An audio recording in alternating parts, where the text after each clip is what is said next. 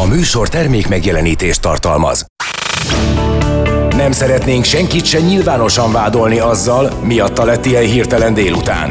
Bár a felelősök csöndben meghúzzák magukat, mi mégis büszkén nekifutunk, és világító toronyként mutatjuk érdre az utat, városrészükhöz a dűlőt, házaikhoz az ösvényt. És ha van valami, amit megosztana velünk, ne tétovázzon, mondjon valamit. Elhisszük.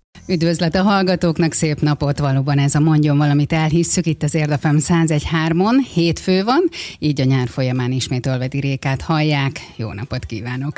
Ma megismerkedünk egy különleges lányjal, aki talán mégsem olyan különleges, mert lehetne bármelyikünk. Tudják ez a fajta érzés, hogy ő olyan szomszédlány feeling.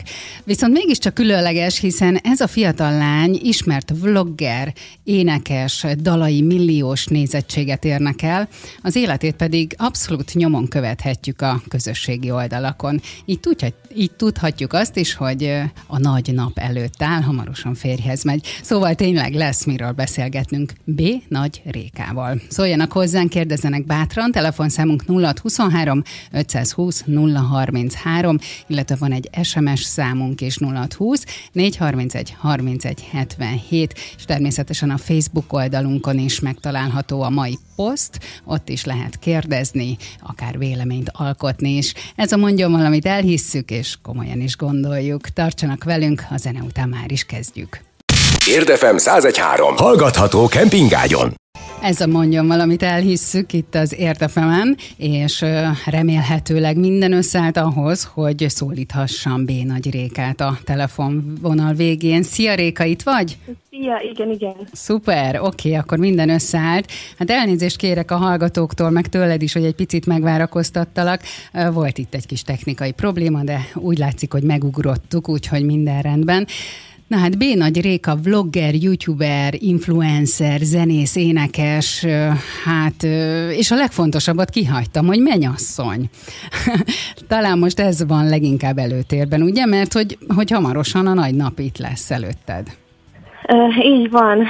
Konkrétan egy hónapon belül lesz az esküvő. Wow. A... Úgyhogy igen, most minden erről szól.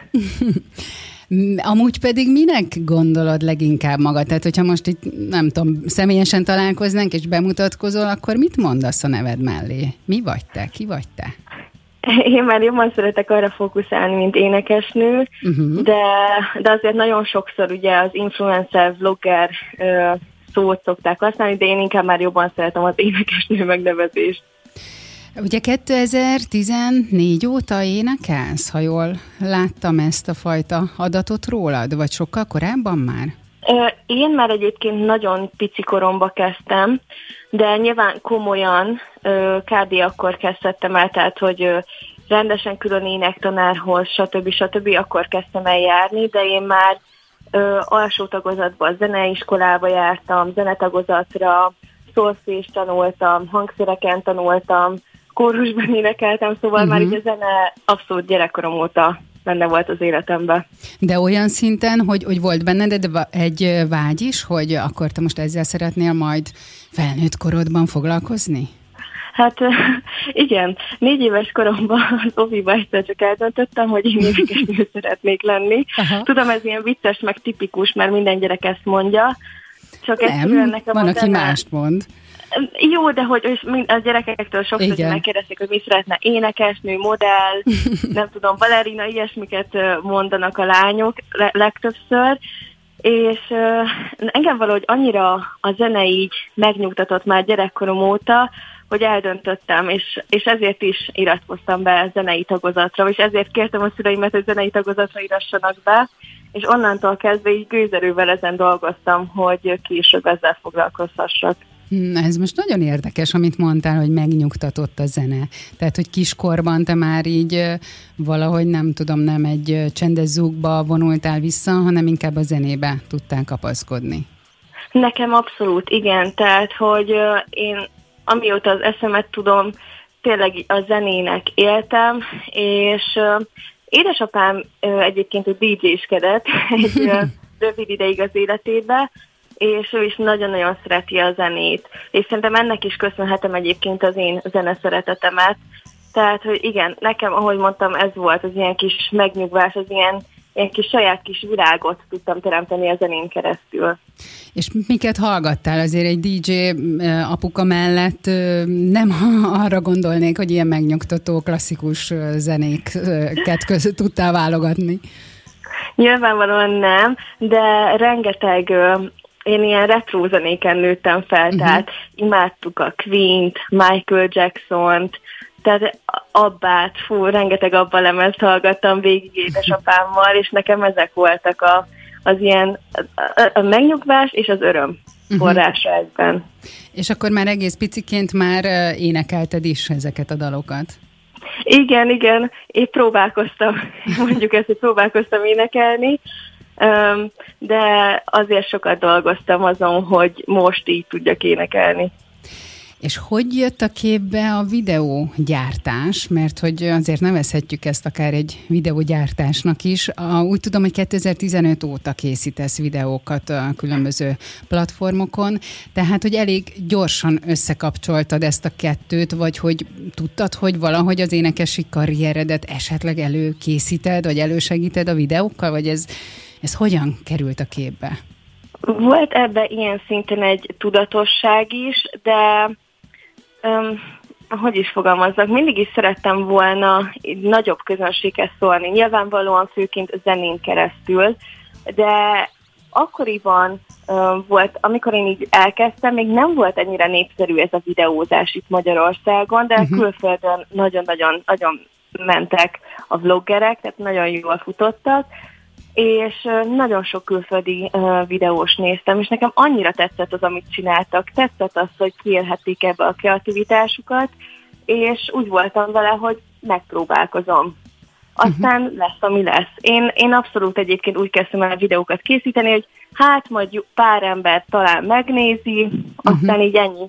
Tehát, hogy így inkább így önmagam szórakoztatására, vagy illetve a kreatívkodásom kiélésére készítettem ezeket, aztán egyszer csak így egyre többen nézték, többen kezdtek el követni, és ugye nyilvánvalóan ez jól jött ki, mert tudtam, hogyha ennyi emberhez tudok ilyen videókon keresztül szólni, akkor a zenéimet is bízom benne, hogy meg fogják hallgatni. Uh-huh.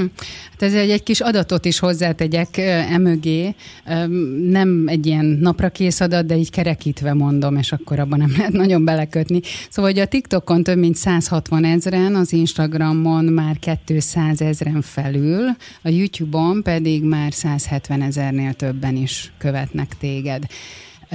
Mennyire követed így a többieket, így a hazai vloggereket, az ismertebb arcokat? Ezt, ezt hogyan találod ezt a követési számot, amivel te rendelkezel? Mennyire vagy elégedett ezzel? Én egyébként nagyon sok embert követek, meg, illetve a trendek miatt is figyelem őket, hogy ők mit készítenek, én a, nem, titko, nem titkolom, az, szerintem a videósok szoktak egymásban inspirálódni, akár uh-huh. külföldi példára is, meg én is szeretem nézni másoknak a tartalmait, tehát hogy abszolút képbe vagyok. Én úgy gondolom, hogy mint női lifestyle influencer viszonylag magas pozícióban helyezkedem el, mert vannak nálam nagyobb követőszámmal rendelkező emberek, viszont nagyon aktívak a követőim. Uh-huh. Nagyobb, a, nagyobb a like szám, és, és tényleg aktív, aktívan nézik a sztoriaimat és hasonlókat.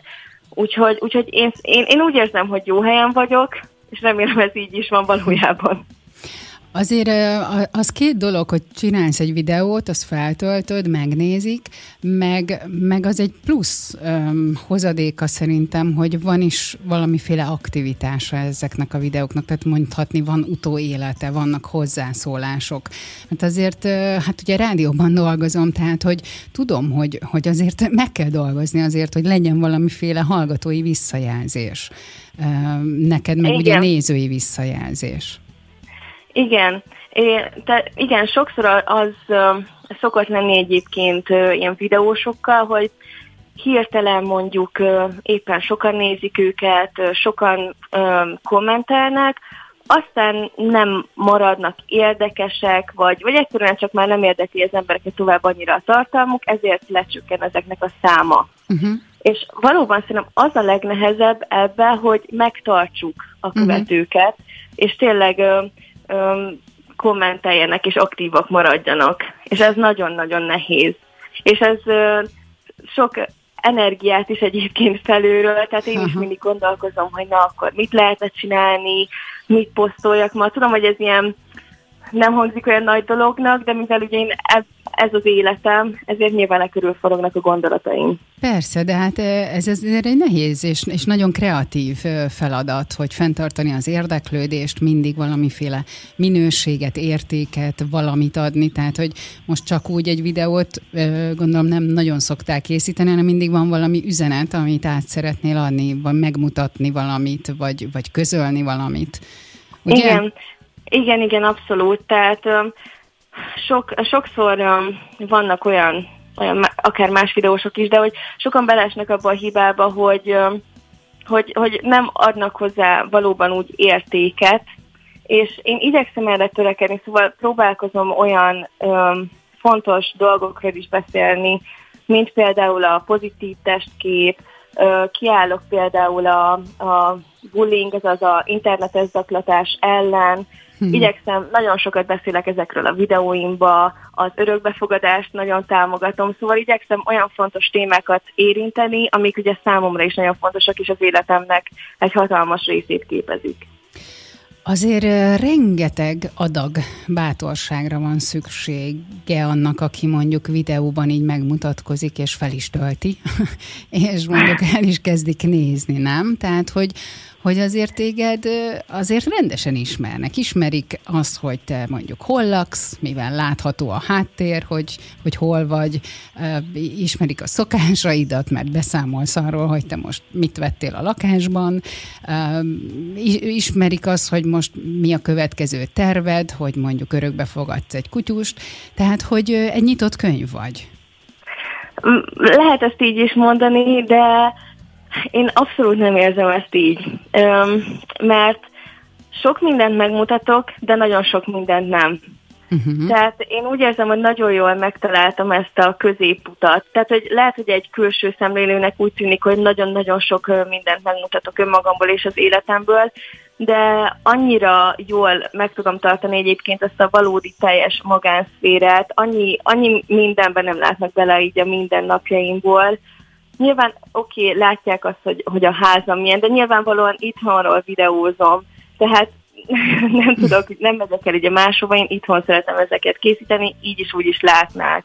Uh-huh. Szóval igen, sok mindent megmutatok, de, de figyelek arra, hogy, hogy ne vigyem ezt túlzásba. Uh-huh. Ilyenekre is gondolok különben, hogy mondjuk így elkezded a, a videót úgy, hogy most keltél föl, kócos vagy smink nélkül, majd jön egy váltás, hogy na most te készülődsz, tehát most már sminkbe vagy, vagy akár élőben így ki is sminkeled magad a, a videózás közben. Tehát, hogy azért azért tényleg egy húsvér nőt láthatunk így általad, aki felmeri vállalni magát, fölébredve frissen, mármint lehet, hogy épp nem frissen, smink nélkül, meg aztán látható úgy is, hogy aki már indulásra kész. Igen, én, én igyek, igyekszem erre törekedni, hogy hogy ne csak egy, egy tökéletes, idézőjelben tökéletes embert lássanak, aki mindig toppon van, hiszen, hiszen azért valljuk be, az ember na, na sokszor minden toppon. és igen, igen, igen, és nem mindenki sminkbe kell fel, nem mindig tökéletes az embernek a haja, és ezt szeretnénk megmutatni a fiatal nézőinknek, hogy ne állítsanak maguk elé ilyen hatalmas elvárásokat, mert, mert nem kell mindig tökéletesnek lenni és kamerakésznek. Nekem azért vagy te nagyon-nagyon szimpatikus, mert hogy abszolút azt látom, hogy, hogy te te vagy. Tehát, hogy a mostani korszelleme ugye az, hogy, hogy legyél más, hogy legyél, legyél az, aki, nem tudom, így csinál, meg úgy csinál, te meg pont az ellenkezőjét mutatod számomra legalábbis, és szerintem a követői nagy része számára is, hogy, hogy merjünk inkább önmagunk lenni, és azt felvállalni, és ez, ez nagyon-nagyon hiányzik, úgy látom meg, hogy nagyon szimpatikus. Igen, egyébként szerintem ez a legnehezebb, hogy, uh-huh. hogy mhm. tényleg úgy, ahogy vagy vállalt fel önmagadat, és uh, igen, tehát, hogy én is, amikor ezt elkezdtem, azért, azért viszonylag féltem attól, hogy most tényleg megmutassam magamat mondjuk így smink nélkül kamerába, uh-huh. de de aztán úgy voltam vele, hogy, hogy ez vagyok én, és szeretnék ezzel egy, egy tényleg ezt a pozitív üzenetet közvetíteni, hogy sokkal jobb az, hogyha önmagunk vagyunk, boldogok vagyunk azzal, ahogyan kinézünk, ahogyan vagyunk, ahogyan cselekszünk, mint hogy, mint hogy másoknak próbáljunk meg megfelelni. És ö, hogyan barátkoztál meg a, a videóképeddel? Mert hát azért élőben, mag, vagy a tükör, vagy, vagy egy fotó egészen más ö, képet alkot saját magunkról, mint mondjuk egy videón keresztül látva magad.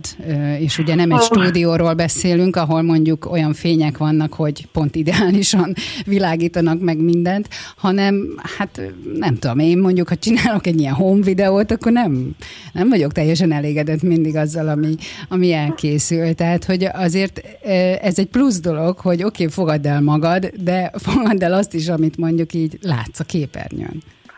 Igen, az az igazság, hogy nekem maga így a videóképpel problémám soha nem volt, eleinte, eleinte inkább a beszédhangon volt, ami zavart. Uh-huh. Igen. Visszanézve. Uh-huh. Meg nyilvánvalóan nekem is van, hogy éppen felveszem a videót, majd utána vágom meg, és látom, hogy hú, hát ott mekkora, milyen karikásnak tűnik a szemem, uh-huh. éppen nem a legelőnyösebb, de tulajdonképpen engem ez már nem zavar. Régen az kicsit zavart, mikor ugye, hogyha valaki éppen mondjuk azt a snittet kapja el, és akkor egy negatív kommentet otthagy, uh-huh. hogy hogyan nézek ki. De onnantól kezdve, hogy én elfogadtam tényleg önmagamat úgy, ahogy vagyok, onnantól kezdve nem érdekelt az, hogy, hogy másoknak ez, ez, ez milyen, vagy én hogy tetszem. Legalábbis a külsőm, tehát, hogy uh-huh. ez, ilyen vagyok, ez vagyok én. Na hát folytassuk innen a beszélgetést B. Nagy Rékával, és hát most ez nem, ez a dal, ami most következik tőled, ez nem rólad fog szólni, hanem pont a másikról, hogy veled minden más. Jó, ezt hallgatjuk meg. És akkor utána folytatjuk a beszélgetést, úgyhogy maradj továbbra is velünk, tartsd a vonalat, kérlek. Nem, Az Érdefem 1013 a világ legkíváncsibb rádiója. Hétköznap délutánonként 4-től 6-ig minden érdekel minket, ami a hallgatóinkkal történt. Vagy csak megtörténhetett volna. Fontos nekünk a véleménye, tapasztalatai, történetei, félelmei, fantáziája és persze javaslatai a jövőre nézve. Esetleg bölcs tanácsai visszamenőlegesen a múltra. Üzenetrögzítőnk éjjel-nappal várja hívásaikat, és a legérdekesebbeket az élőadásban le is adjuk. Mondjon valamit, elhisszük. Az Érdefem 1013 magazin műsora minden hétköznap délután 4-től 6-ig. Hétfőnként pedig Ölvedi Rékával, aki én vagyok, és a vendégem továbbra is B. Nagy Réka. Szia, itt vagy? Szia. Oké. Okay. Igen. Na hát tőled hallottunk ugye egy dalt, hiszen zenész énekes vagy, amellett, hogy vlogger, youtuber, influencer, és még nem is tudom, mondhatnak még valamit? Vagy így ez lefedi végül is? Szerintem ez lefedi. Lefedi, jól van. Majd a dalokra visszatérünk egy kicsit, de most az elfogadás, a pozitív testtudat, itt tartottunk ugye a, a zene előtt, és ez engem nagyon-nagyon érdekel, mert azt gondolom, hogy ebben megint csak egy olyan, olyanhoz nyúlsz, egy olyan pluszt adsz a, a saját korosztályodnak, meg szerintem még akár a, az én korosztályomnak is, hogy amire nagyon nagy szükségünk van. Nekünk nőknek pláne, mert hogy pont a médiából az jön, hogy ugye legyél tökéletes, nézzél ki úgy, ahogy a címlapon látható, és, és átjön egy ilyen kép ön tudatlanul is talán, hogy az a töké, az a, az a norma, és ahhoz kell ugye igazodni, megfelelni. És te meg pont, pont azzal, hogy kiállsz úgy, ahogy vagy, és, és azt mondod, hogy elfogadtad magad így, erről mesélj már egy kicsit. Hogy, hogy tudod 20 évesen elfogadni magad úgy, ahogy vagy? Mert ugye azt gondolom, hogy nagyon sok 20 éves, 10 éves, 30 éves ezzel küzd, hogy még mindig nem fogadja el magát úgy, ahogy van. Ez egy nagyon hosszú út volt. Most nyilván fiatal vagyok, de én hosszúnak éreztem. Uh-huh. Tehát um, emlékszem, hogy ötödikes voltam, mikor először elkezdtem diétázni, és futni, járni. Mert nem éreztem magamat elég vékonynak, uh-huh. mint ahogy ugye láttam én is a magazinokba, és mindenhol a tökéletes nőket. És a genetikámból fakadóan sajnos én hízékony típus vagyok, és akármennyire is erőlködtem, nem tudtam olyan vékony lenni, mint a többi lány. Uh-huh és ez, ez egészen végig kísért engem tínédzser koromba is, és sajnos már odaig jutottam, hogy napi egy almát ettem, Aha. borzasztóan egészségtelen voltam, és nem egyszer voltam így az ájulás szélén, Aha. mert annyira, annyira nem ettem. Le is fogytam, és magamhoz képest brutál vékony voltam, és, nem, és még akkor is ugye nagyon ducinak éreztem magamat. Uh-huh. És aki nekem egy hatalmas megerősítés volt, az a vőlegényem, Dávid, hmm. amikor összejöttem vele, még akkor is azért folyamatosan éreztem azt, hogy igen, én még nem vagyok elég jó, és tőle rengeteg pozitív megerősítést kaptam, Uh-huh. És utána, mivel, mivel láttam azt, hogy nem én vagyok az egyetlen, akinek ilyen gondolatai vannak, hogy, hogy még mindig van rajta az az egy plusz kiló, úristen, most akkor annyira nagyon oda kell figyelnem, hogy mit tehetek, mindent ki kell porciózni, és a többi, és még akkor nagyon sokat edzek is mellé, és akkor talán jól fogok kinézni. És mikor látom, hogy nem én vagyok az egyetlen, akinek ez probléma, sőt, olyan lányoknál is láttam, akikre én már ugye tökéletesként tekintettem, igen. És, és eldöntöttem azt, hogy, hogy én nem akarok így élni, aki számolgatja a kalóriákat, aki, akinek bűntudata van attól, hogyha megeszik egy hamburgert. Igen, eldöntöttem, hogy én élni akarok, ez vagyok én, és onnantól kezdve, hogy ezt így meg tudtam fordítani az agyamban, sokkal jobban érzem magamat, és ezért is döntöttem el, hogy én erről ennyit akarok beszélni, mert tudom azt, hogy tinédzserként mennyire szörnyű ezen keresztül menni. Uh-huh. De így a, a családi körben mondjuk így ért téged ezzel kapcsolatban bármi is? Hogy piszkáltak téged otthon? Nem a suliban, hanem így otthon?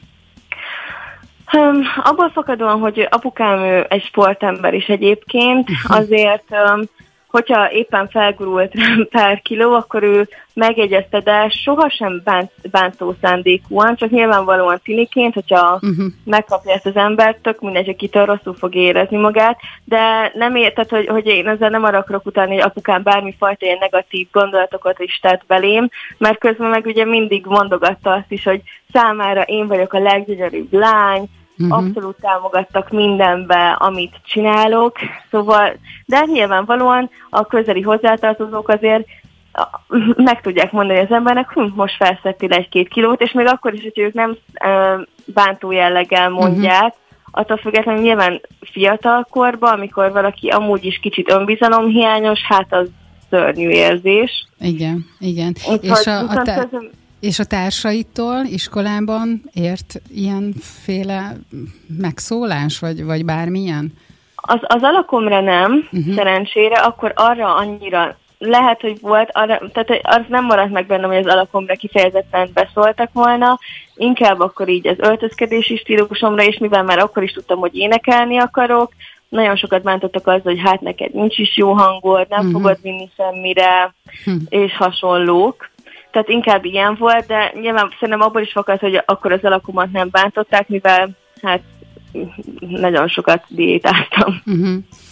És amúgy most így a videók, amik erről szólnak pont, hogy pozitív testtudat, fogad el magad, stb.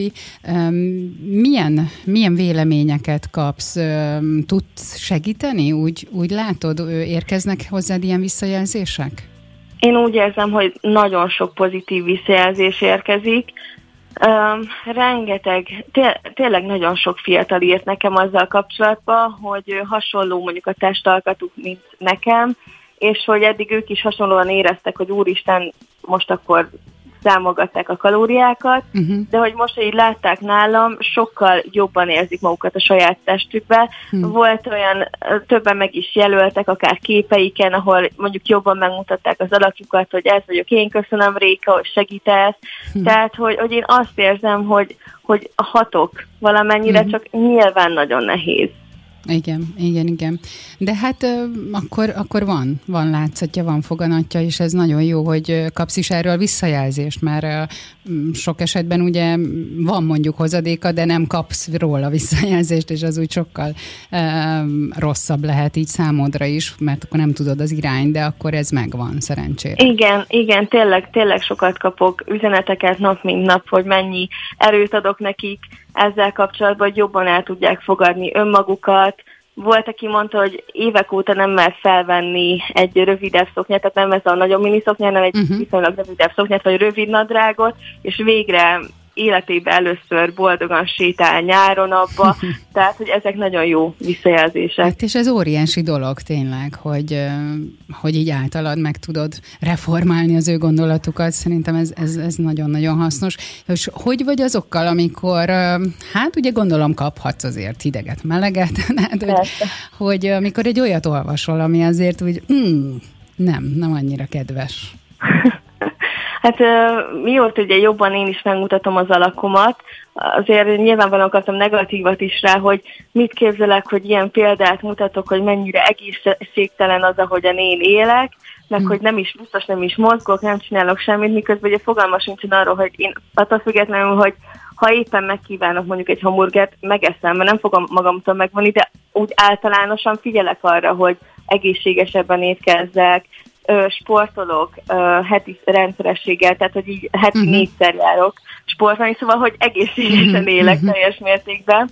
Úgyhogy ugye nyilván ezeket nem tudják, és, és amikor ilyen üzenetet kapok, úgy vagyok vele, hogy hát ő úgyse ismer engem, most éppen látott tőlem egy videót, akkor jön belekötni, uh-huh. de azért eleinte nagyon nehéz volt ezeket ö, elfogadnom, tehát ö, azért, főleg mivel azért elég fiatalon is kezdtem bele ebbe a social média világba, és mikor akkor kaptam negatívakat, nagyon megviselt, és azért nem mondom, most is van egy-kettő, ami így, így kicsit szíven tud ütni, de, de most már sokkal jobban kezelem, de ehhez idő kellett, hogy ezeket megtanuljam kezelni. Mm-hmm. Hogy ez sokszor nem, nem is nekem célozzák ezeket a negatív üzeneteket, hanem sokszor ugye a saját öm, önértékelési problémáikat, a saját frusztrációikat próbálják levezetni. Hát igen. Ugye említetted most, hogy, hogy elég fiatalon, meg hát most is nagyon fiatal vagy, igen. kezdtél ebbe az egészbe, és, és hát most azért is beszélgetünk, mert hogy ugye ez most egy, egy nagyon-nagyon felkapott dolog, hogy, hogy vloggerkedik valaki, vagy youtuberkedik, vagy, vagy bármilyen módon így megmutatkozik, viszont azért tele van veszéllyel és nem feltétlenül vannak felkészülve mondjuk lelkileg erre, hogy, hogy oké, okay, hogy elkészítek egy videót, de annak azért lesz majd valamiféle lecsapódása, és az nem mindig kedves. Tehát, hogy ezzel azért számolni nem. kell. Te, te mennyire számoltál ezzel akkor, amikor elindultál? Egyébként számoltam vele, vele mert egészen, ugye én gimnáziumból is végül magántanuló lettem, annyira bántottak az osztálytársaim, szóval úgy hm. éreztem, hogy lelkileg fel vagyok erre készülve. De akkor pláne egy uh, ilyen múlt után, bocsánat, csak hogy pláne egy ilyen múlt után azért még, még nagyobb adagbátorságnak kellett lenni, hogy így megmutatkozz. Nem? Igen, tudom. Igen, de Régen, amikor belevágtam ebbe a youtuberkedésbe, és ugye azok kezdtek el leginkább követni, akiknek szimpatikus voltam.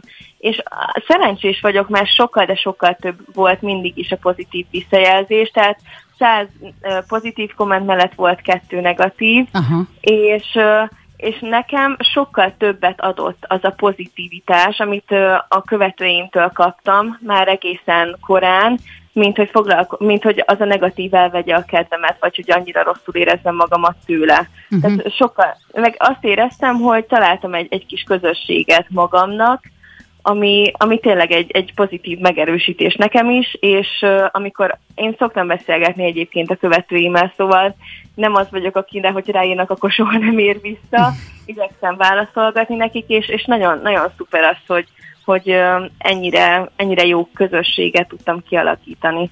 Uh-huh. A követőid amúgy így a, a saját korosztályod? Mit tapasztalsz?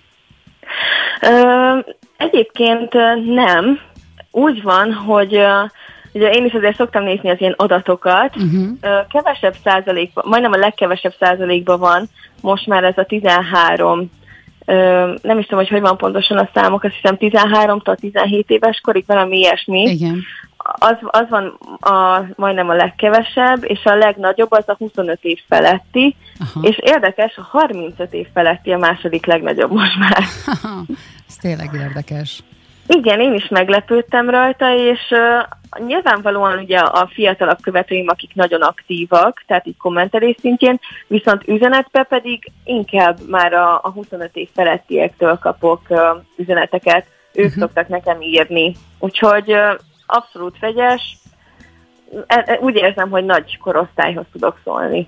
Ez mennyire befolyásolja a tartalomkészítést, hogy, hogy tudod, hogy mondjuk milyen korosztály nézi a videóidat? Kinek akarsz uh, üzenni, vagy szólni leginkább? Fú, abszolút igyekszem egyébként mindenkihez szólni, de nyilván ezt nem lehet. Tehát, hogy uh-huh. egy fiatalabb korosztályt nem fog érdekelni feltétlenül éppen mondjuk az esküvő szervezés. Úgyhogy meg az is érdekes, hogy nyilván amikor én elkezdtem, már olyan, nyilván akkor is olyan tartalmakat készítettem, amik engem érdekeltek, és akkor több is volt ugye a fiatal, fiatalok közül, akik követtek engem. És nyilván én is, ahogy felnőttem, hogy így fogalmazok, de nyilván ez nem olyan hú, a sok év alatt, de, de azért nyilván nekem is más lett az érdeklődési köröm, akár lakberendezés, akkor az esküvőszervezés, stb. Tehát az ilyen dolgok miatt gondolom elkezdtek követni az, az nálam idősebbek, de az uh-huh. nem fiatal, csak a nálam idősebbek igen, is igen. elkezdték követni a csatornáimat. Én inkább azt mondanám, hogy platform függő, hogy uh-huh. milyen tartalmat készít az influencer, mert teljesen más fajta videót készítek akár TikTokra, mint YouTube-ra. Uh-huh. Meg hát különböző témákat érintesz, ahogy ugye te is mondod, tehát ott is különböző réteg tud bekapcsolódni és követni téged. Igen, meg egyébként érződik számomra az, hogy YouTube-on már inkább ez az a 25-30 év felettiek néznek legtöbben egyébként videókat. Most már én ezt tapasztalom, és beszéltem más vloggerekkel is, és ők is mondták, hogy ők is hasonlóan éreznek, TikTokon brutálisan fiatal a korosztály, ott, ott nagyon-nagyon tényleg ilyen tizenévesek, vagy még az alattiak kommentelgetnek és nézik a videókat, és szerintem az Instagram az, ahol pedig ez az ilyen 20-as éveiben járó emberek uh-huh. az aktívak. Na, hát akkor most így általa teljes képet kaptunk, hogy így ezek a közösségi oldalak hogyan is népszerűek kik körében. Folytatjuk veled a beszélgetést a következő órában is. Jó, úgyhogy most, Jó. most bontjuk a vonalat, pihenj egy kicsit, és, és akkor a hírek után majd, majd vissza foglak hívni, remélem a, a technika is engedi ezt, és nem lesz egy újabb csúszás emiatt, és akkor folytatjuk veled az ismerkedést, mert ugye még a zenés oldaladról még nem is beszélgettünk, úgyhogy lesz még, lesz még miről beszélni. Jó? Úgyhogy pihenés, Jó. és akkor utána jöhetsz vissza, hívlak majd. Oké. Okay. B. Nagy Réka, vlogger, youtuber, influencer és zenész énekes a vendégünk ebben az órában, és a következő órában is így lesz, úgyhogy tartsanak velünk a továbbiakban is. Nem szeretnénk senkit se nyilvánosan vádolni azzal, miatta lett ilyen hirtelen délután. Bár a felelősök csöndben meghúzzák magukat, mi mégis büszkén neki futunk, és világító toronyként mutatjuk érdre az utat, városrészükhöz a dűlőt, házaikhoz az ösvényt. És ha van valami, amit megosztana velünk, ne tétovázzon, mondjon valamit. Elhisszük.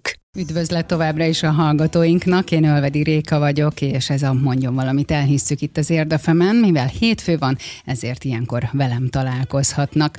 Ma megismerkedtünk félig, és folytatjuk az ismerkedést egy különleges lányal, aki, mint kiderült, annyira nem is különleges, de mégis az, hiszen fiatal lány, ismert vlogger, énekes, dalai milliós nézettséget érnek el, az életét pedig nyomon követhetjük a különböző közösségi oldalakon. Így például tudhatjuk azt is, hogy hamarosan férjhez fog menni, szóval erről is beszélgetünk majd még B. Nagy Rékával. Telefonszámunk 0623 520 033, hozzá tudnak szólni a műsorunkhoz, illetve van egy SMS számunk 0620 431 31 77, és a Facebook oldalunkon, az Érdefem Facebook oldalán is ott a poszt, úgyhogy akár oda is lehet kérdezni, írni bármit, hiszen ez a mondjon valamit elhisszük. Tartsanak velünk, zenélünk, és ha minden jól megy, a technika is úgy akarja, akkor már is hívom Rékát. Érdefem 1013. Kedvenc ultrarövid hullámom. Ez továbbra is a mondjon valamit elhisszük itt az Érdefem 1013-on, és köszöntem a, köszöntöm a vonal végén B. Nagy Rékát, az előző dal énekesét. Szia Réka! Szia! Akkor itt vagy velünk újra. Hát ezt az órát is együtt fogjuk tölteni. Ugye Réka nem csak énekes, hanem blogger, youtuber, influencer is egyben.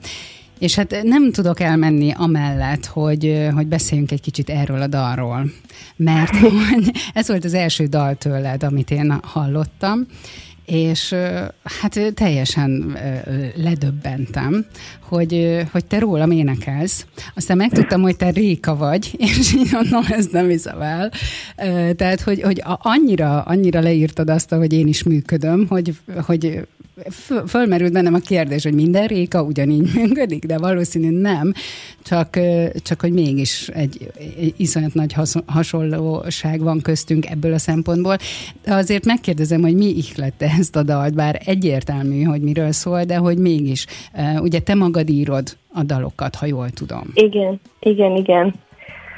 Hú, um, alapvetően erről a tipikus belső vívódásról szól, uh-huh. amikor amikor tényleg az ember tudja, hogy mondjuk az eszem mondja, hogy mit szeret, mit kellene csinálni, közben a szíve máshova húz, mást uh-huh. akar, meg az is a, ihlette egy kicsit ezt a dalt, hogy én úgy érzem, hogy szeretek, tehát, hogy egyik nap például imádok nagyon lazán felöltözni, a másik pillanatban nagyon, vagy nem is, nagyon, de sokkal nőiesebben. Uh-huh. Tehát ezek az ilyen kettős érzések bár az élet bármilyen területére lehet itt most gondolni, és ezt a kettős érzést, ami, ami így bennem van, szerettem volna megfogalmazni a dalban. Uh-huh.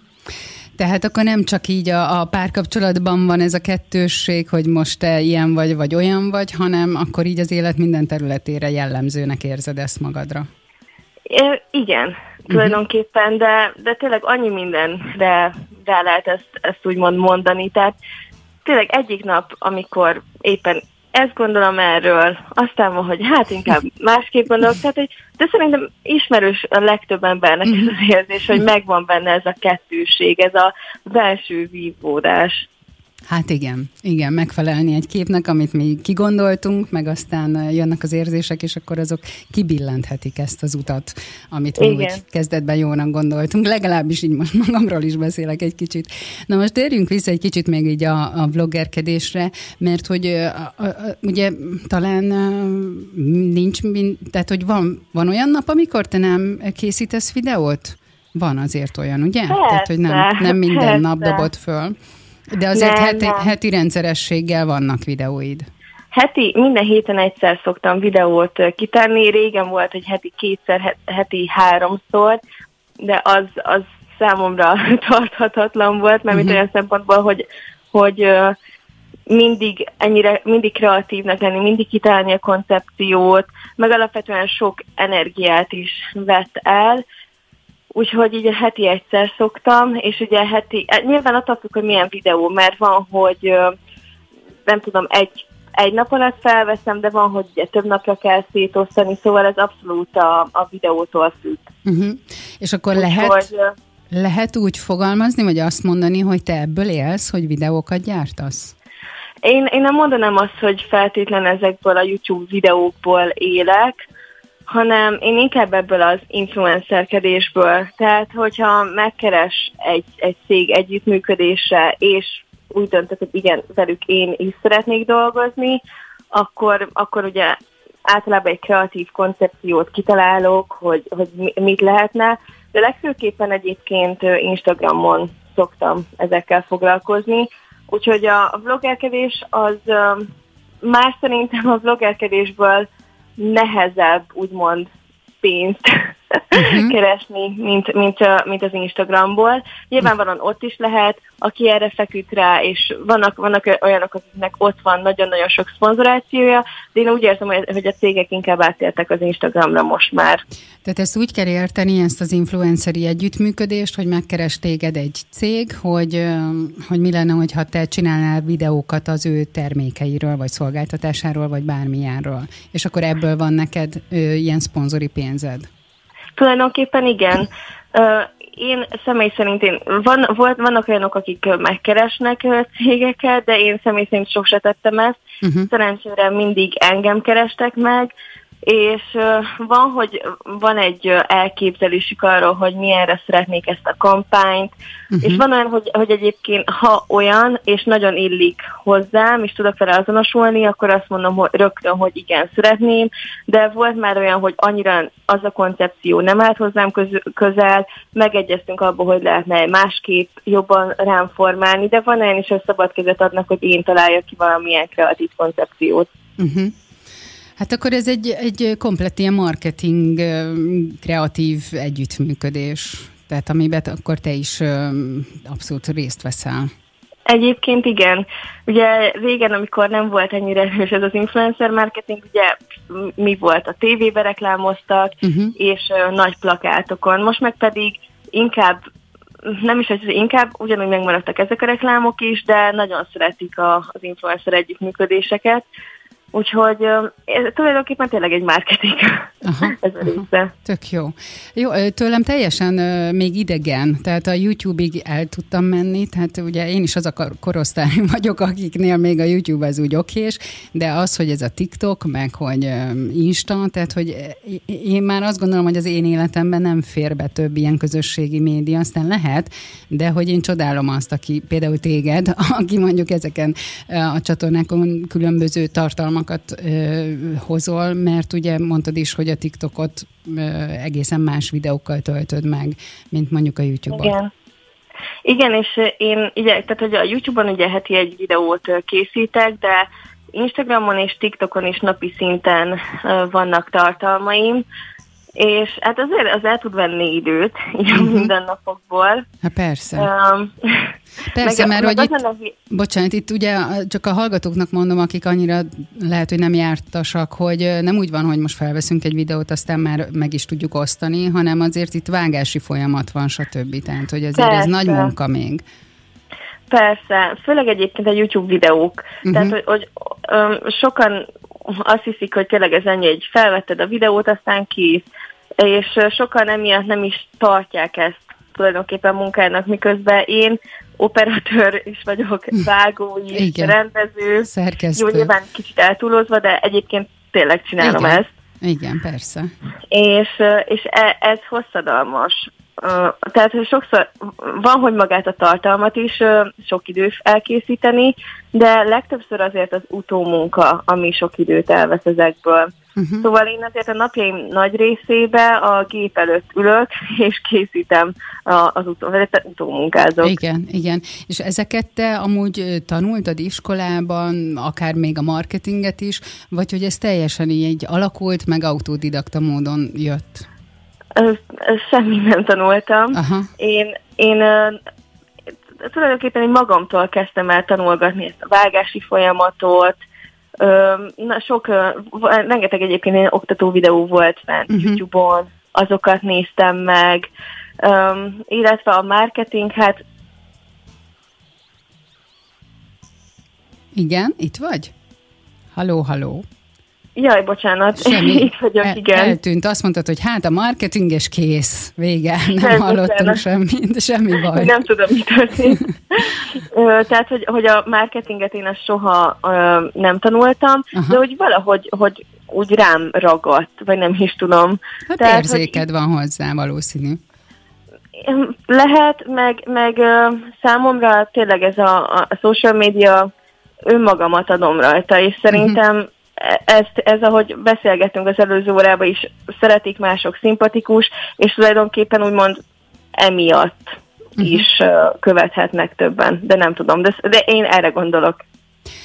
Ahogy nézegettem a, a klipjeidet, olyan túl sok dalt én nem vettem észre a YouTube-on, nem tudom, javíts ki, hogyha ha tévednék, de olyan hat, hat dalod van nagyjából, ez így Valós? Hét, hét dalom hét, van hét, jó, okay. de a csatornámon hat. Aha, akkor Igen. azért, azért maradt meg ez a szám bennem. És ott voltak elég koraiak, talán 2016-osak az első?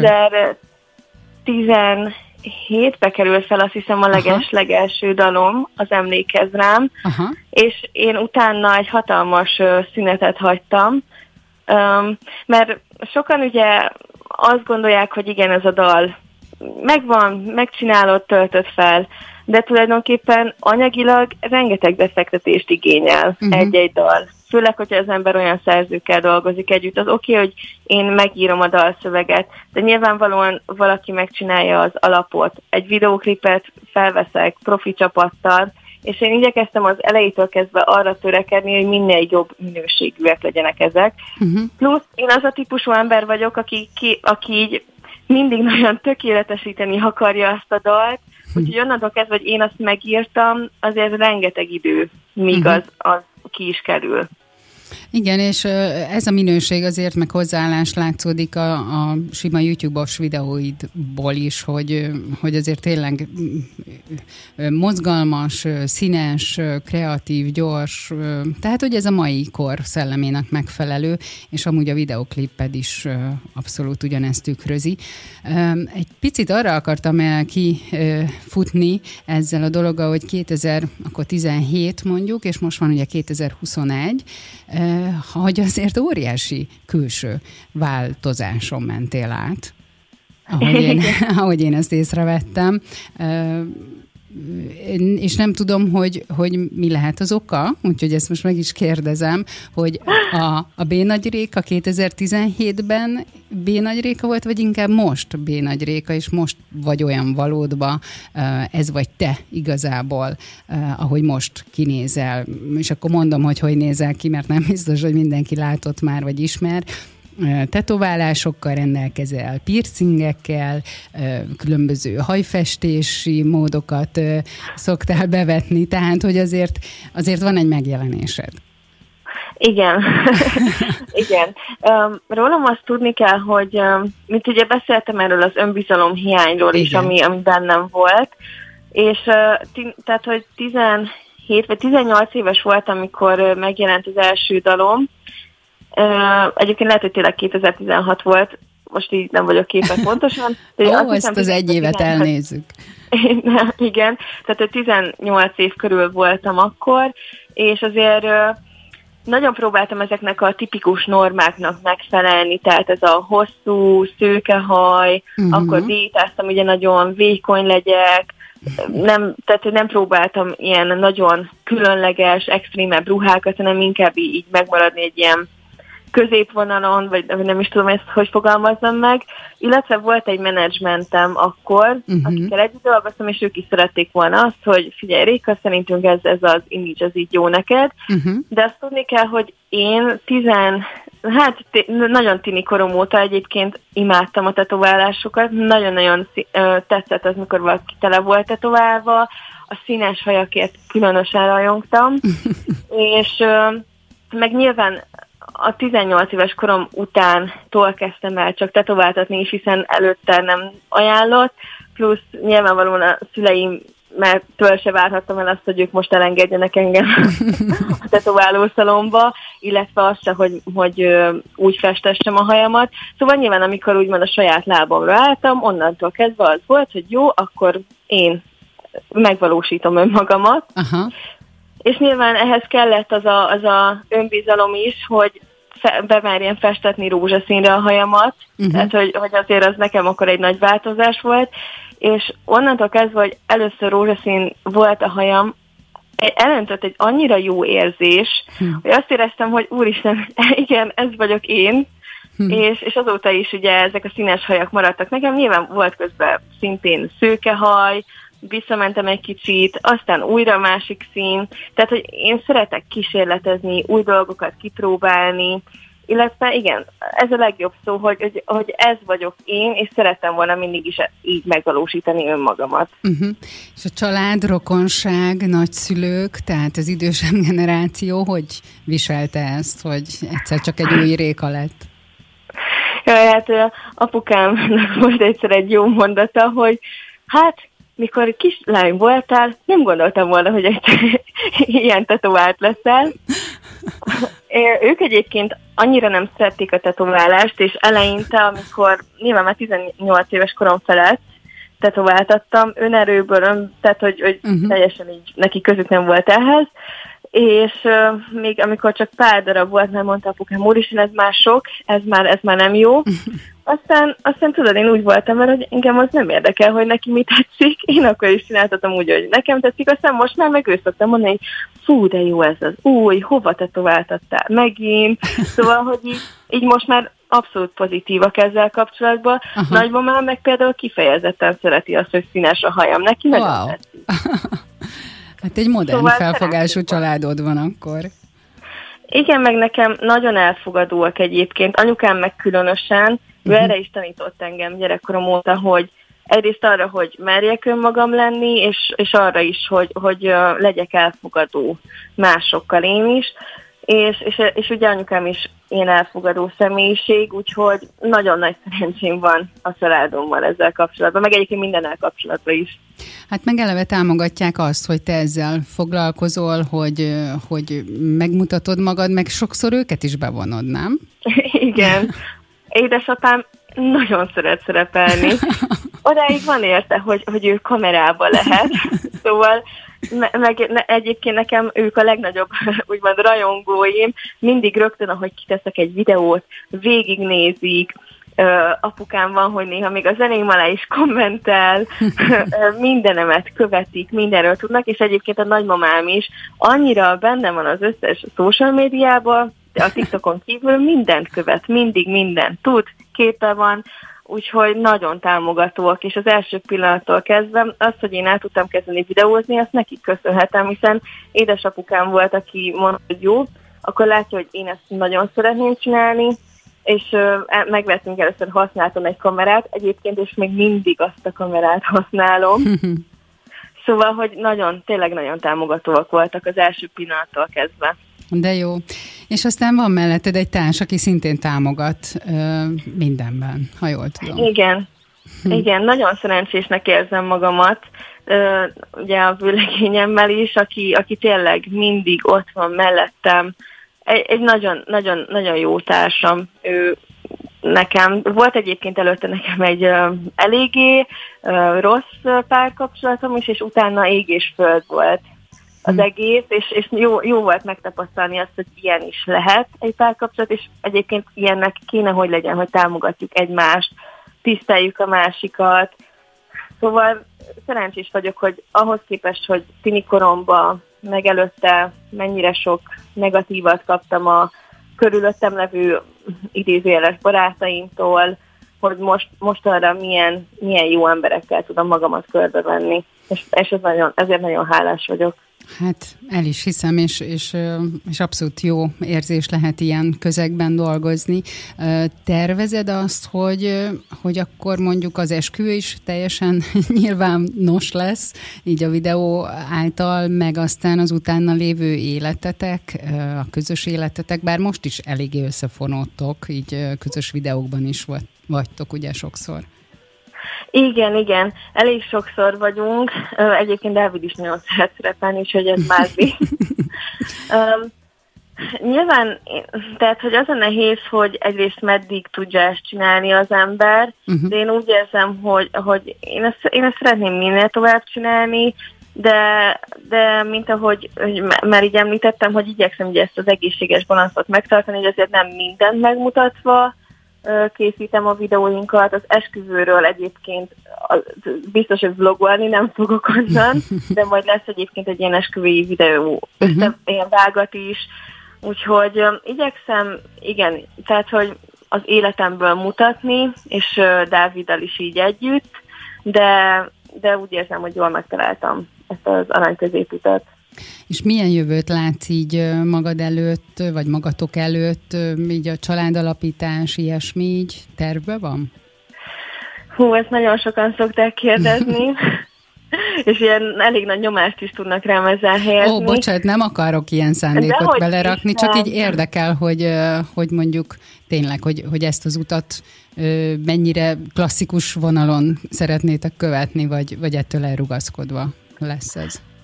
Én még ugye egyelőre elég fiatalnak érzem magamat. Uh-huh. Ö, nyilvánvalóan nekünk is felmerült már a gyerek gondolata, beszéltünk már erről, de én eleinte, én, én szeretnék inkább egyelőre a karrieremre fókuszálni, és később gyereket vállalni.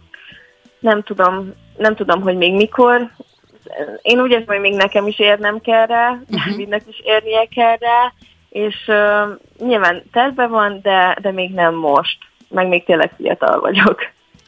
Hát akkor hallgassuk meg az Ölej című számot, amiben a klipjében Dáviddal együtt vagytok, ugye? Igen, igen. Igen, és hát ugye az ihletését nem is kérdezem, hogy mi ihlette ezt a dalt.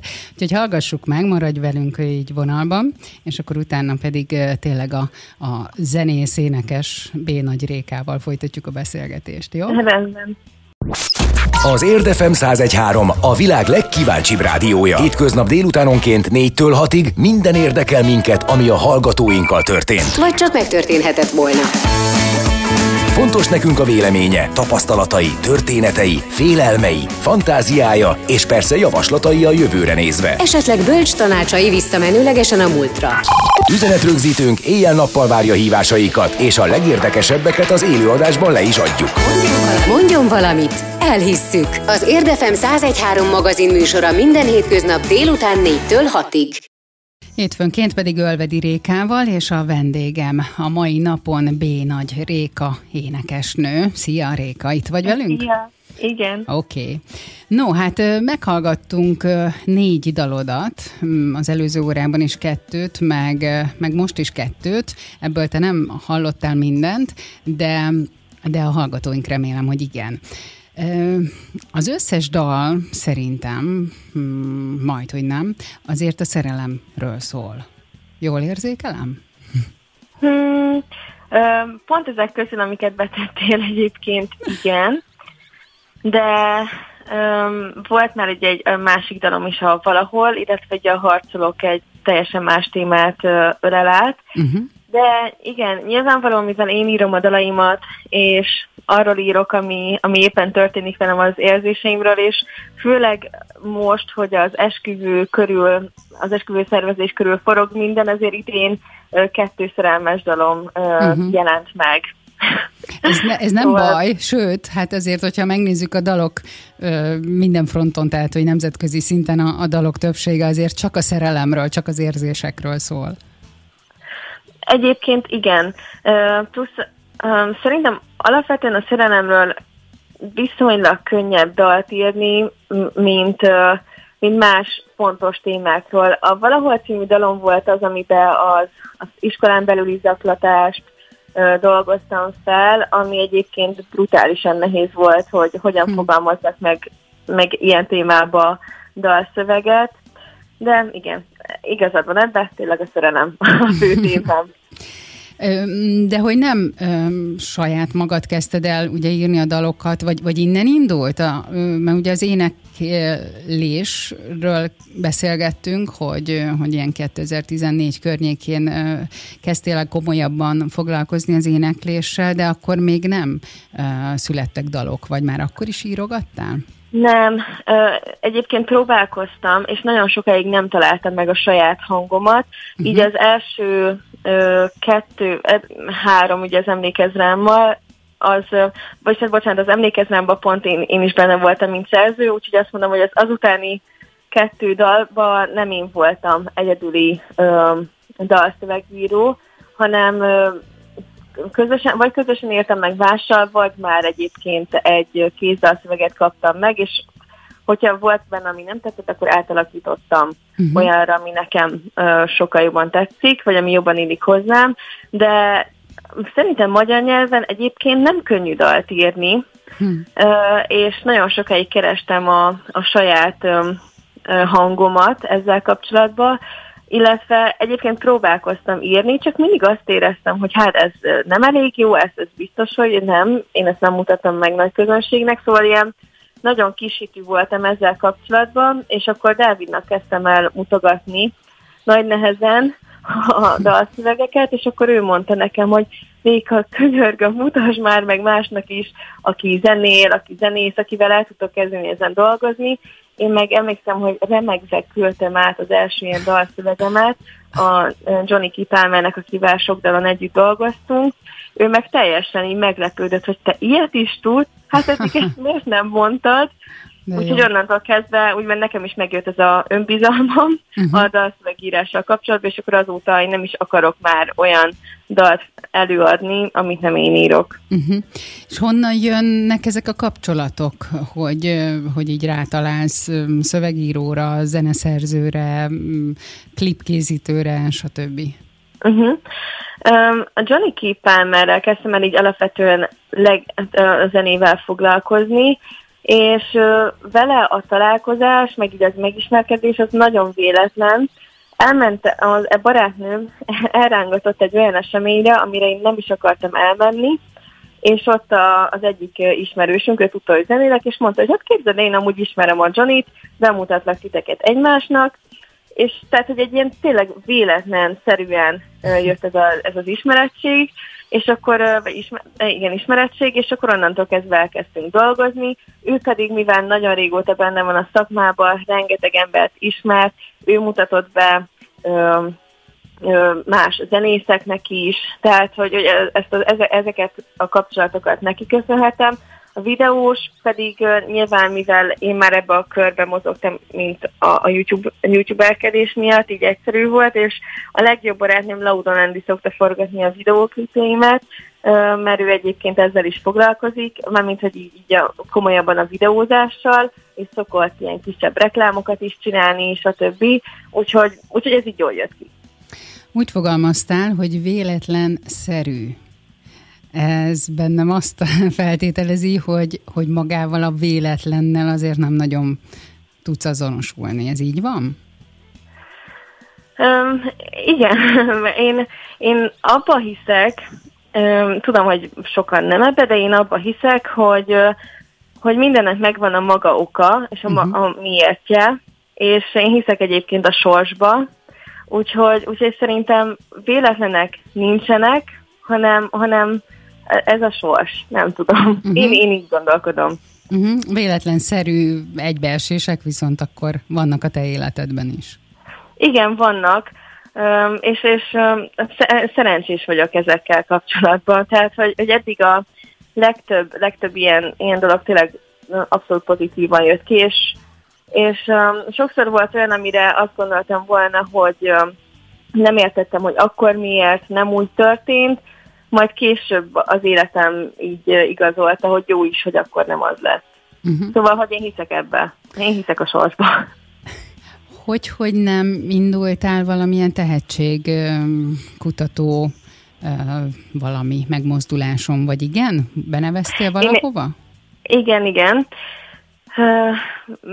Három évvel ezelőtt, igen, akkor voltam X-faktor válogatón, uh-huh de már rögtön az első mm, fordulónál kiejtettek. Hmm. Egyébként ott, ott ismertem meg Dávidot, mert ő szerkesztette a műsort, szóval Aha. mondom... Véletlenszerű, igen. és az egy, az egy nagyon negatív élmény volt számomra, és nem értettem, hogy, hogy a miérteket, de egyébként a tévéadásba nem is került, Aha. Úgyhogy igen, az, az egy negatív. Mi volt a gond? Réta. Mivel magyarázták? Vagy te abszolút mindennel elégedett voltál, jó, jónak tartottad, és akkor egyszer csak jött egy ilyen negatív, hogy nem? Én, én úgy éreztem, hogy én nagyon sokat készültem rá, én, én belülről úgy éreztem, hogy, hogy jó, de nyilván kívülről nem tudom, hogy milyen volt. Uh, igazából neg- amit mondtak, hogy ők azt látják, hogy nincsen bennem ennél több, uh-huh. és hogy ezért nem mutattak tovább. Szóval a hangomat, vagy ilyesmitől nem illettek negatív kritikával, csak azt mondták, hogy szerintük én ennél nem tudok tovább fejl, tehát igen, fejlődni.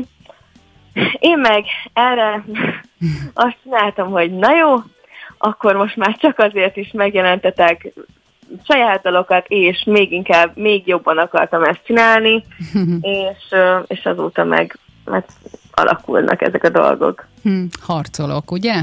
Igen. Te kezdetben még simán így Réka voltál, azt hiszem, hogy így az első klippedet még úgy láttam, hogy Réka, aztán most már B nagy Réka lettél. Ennek van Igen. valami története? Uh, tulajdonképpen nincsen. Um, a menedzsmentem mondta, hogy szerintettük csak a, a Réka nevet használjam. Én viszont egyébként én szeretem a B nagy Réka nevet így egyben, nem tudom miért. Én, én szeretem ezt a családnevet, és úgy voltam vele, hogy, hogy szerintem jó lenne, uh-huh. hogyha így lennék előadó, és szerencsére ezt a kiadóm is pozitívan fogadta, hogy, hogy bénedékaként használjam a nevemet, úgyhogy így lett, nincsen ilyen különösebb története. És a B az, az mit jelent, vagy hogy, hogy működik ez a családnév? Én így vagyok egy anyakönyvezve, tehát B. Nagy Réka, szóval ez a, ez a, így, így a nevem, de ezt tényleg sokan szokták megkérdezni. A B egyébként bölcskei a rövidítése, de Aha. tehát régen a, a ükük, nem tudom, nagyszüleim, még bölcskei nagyok voltak, aztán később le kellett rövidítetni, azt hiszem a rendszerváltásnál ezt a nevet, én sem tudom pontosan ennek a történetét, de az a lényeg, hogy már jó, jó sok éve csak B nagy a családnevünk. Hm, de jó, érdekes. Ez is véletlenszerű. Kóvereket is ugye szoktál azért így csinálni. Kik azok az előadók, akik hatnak rád? Én, aki nekem a gyerekkori nagy példaképem, az Évil Levin volt. Egyébként az ő dalát hallgatva döntöttem el teljes mértékben azt, hogy igen, akkor a zene lesz az én irányom. Tehát uh-huh. én teljesen odaig voltam érte, és De most külső, is külsőleg is hat rád, ugye? Egyébként igen, de de aki más, másik előadó, aki engem nagyon inspirál, az a Halsey, vagy Halsey, sose tudom pontosan. Uh-huh. Mindenhol máshogy hallom a nevét kiejteni. Ő az a külföldi előadó, aki még nagy hatással van rám, illetve Billie Eilishnek is nagyon szeretem a dalait. Uh-huh, uh-huh. Én még Szia, meg Adél feldolgozásokat is láttam, hallottam. Igen, igen, egyébként én, én annyira sok előadót szeretek, és annyira sokfajta zenét hallgatok, hogy úgy, úgy sok emberben inspirálódom, mind alszerzés, mind akár külsőleg is.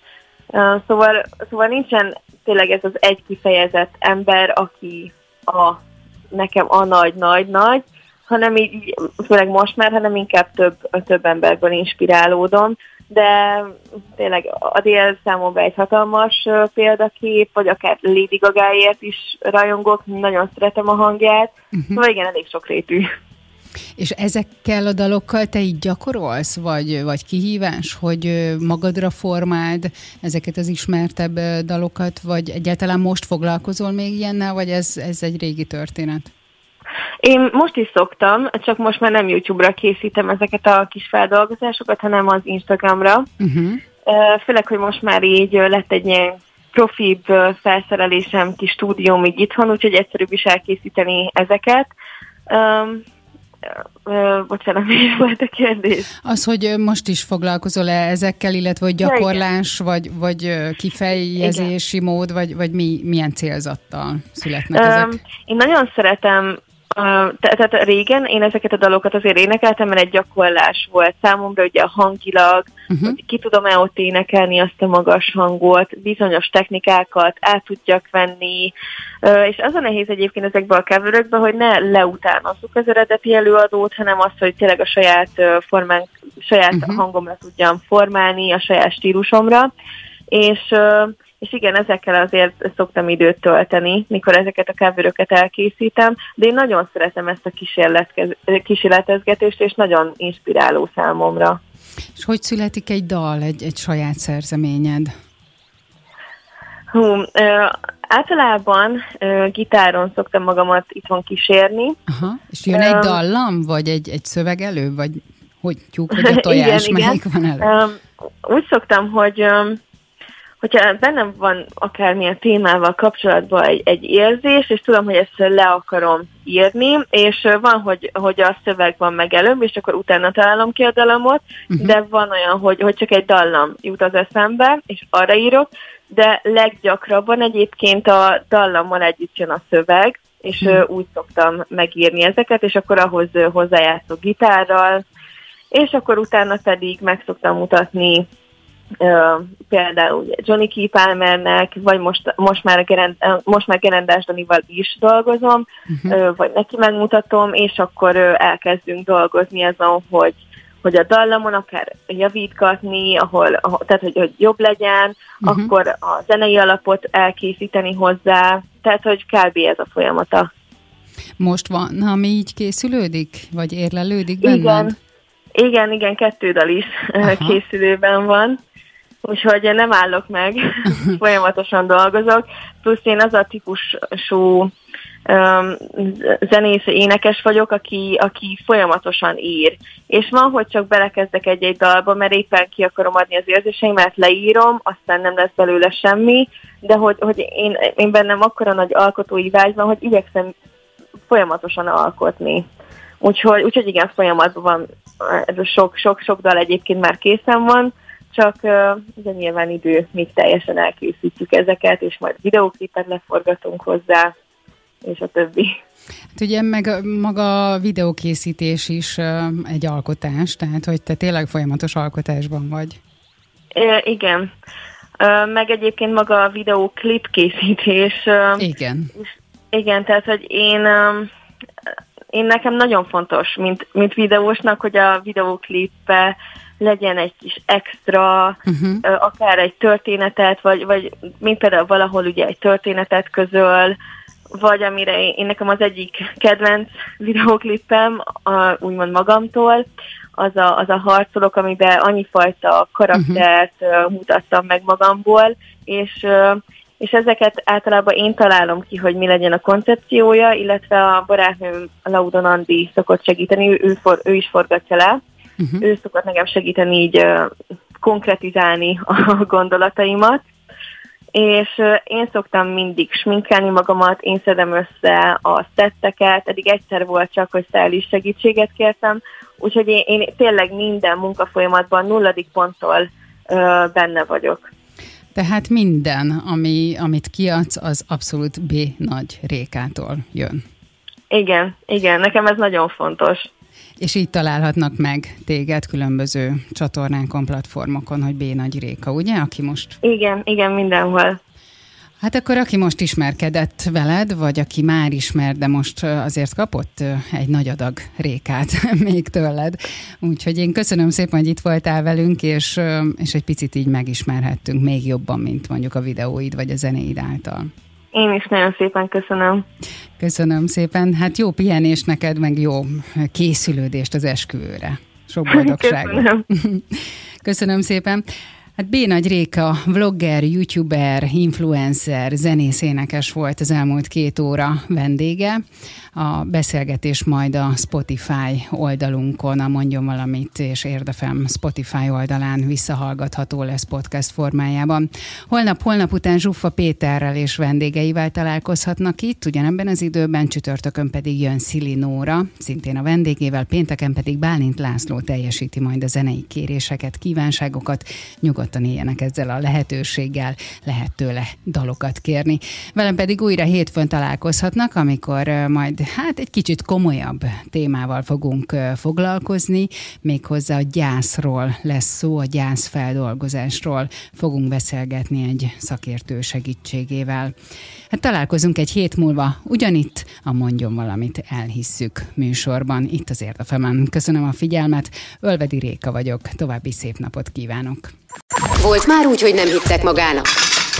Nem én törtem össze. Amikor a látszat ön ellen szólt? Nem tudom, hogy került a kezembe ez a kalapács. Végre egy rádió műsor, ami igazat ad önnek. Az Érdefem 1013 bemutatja.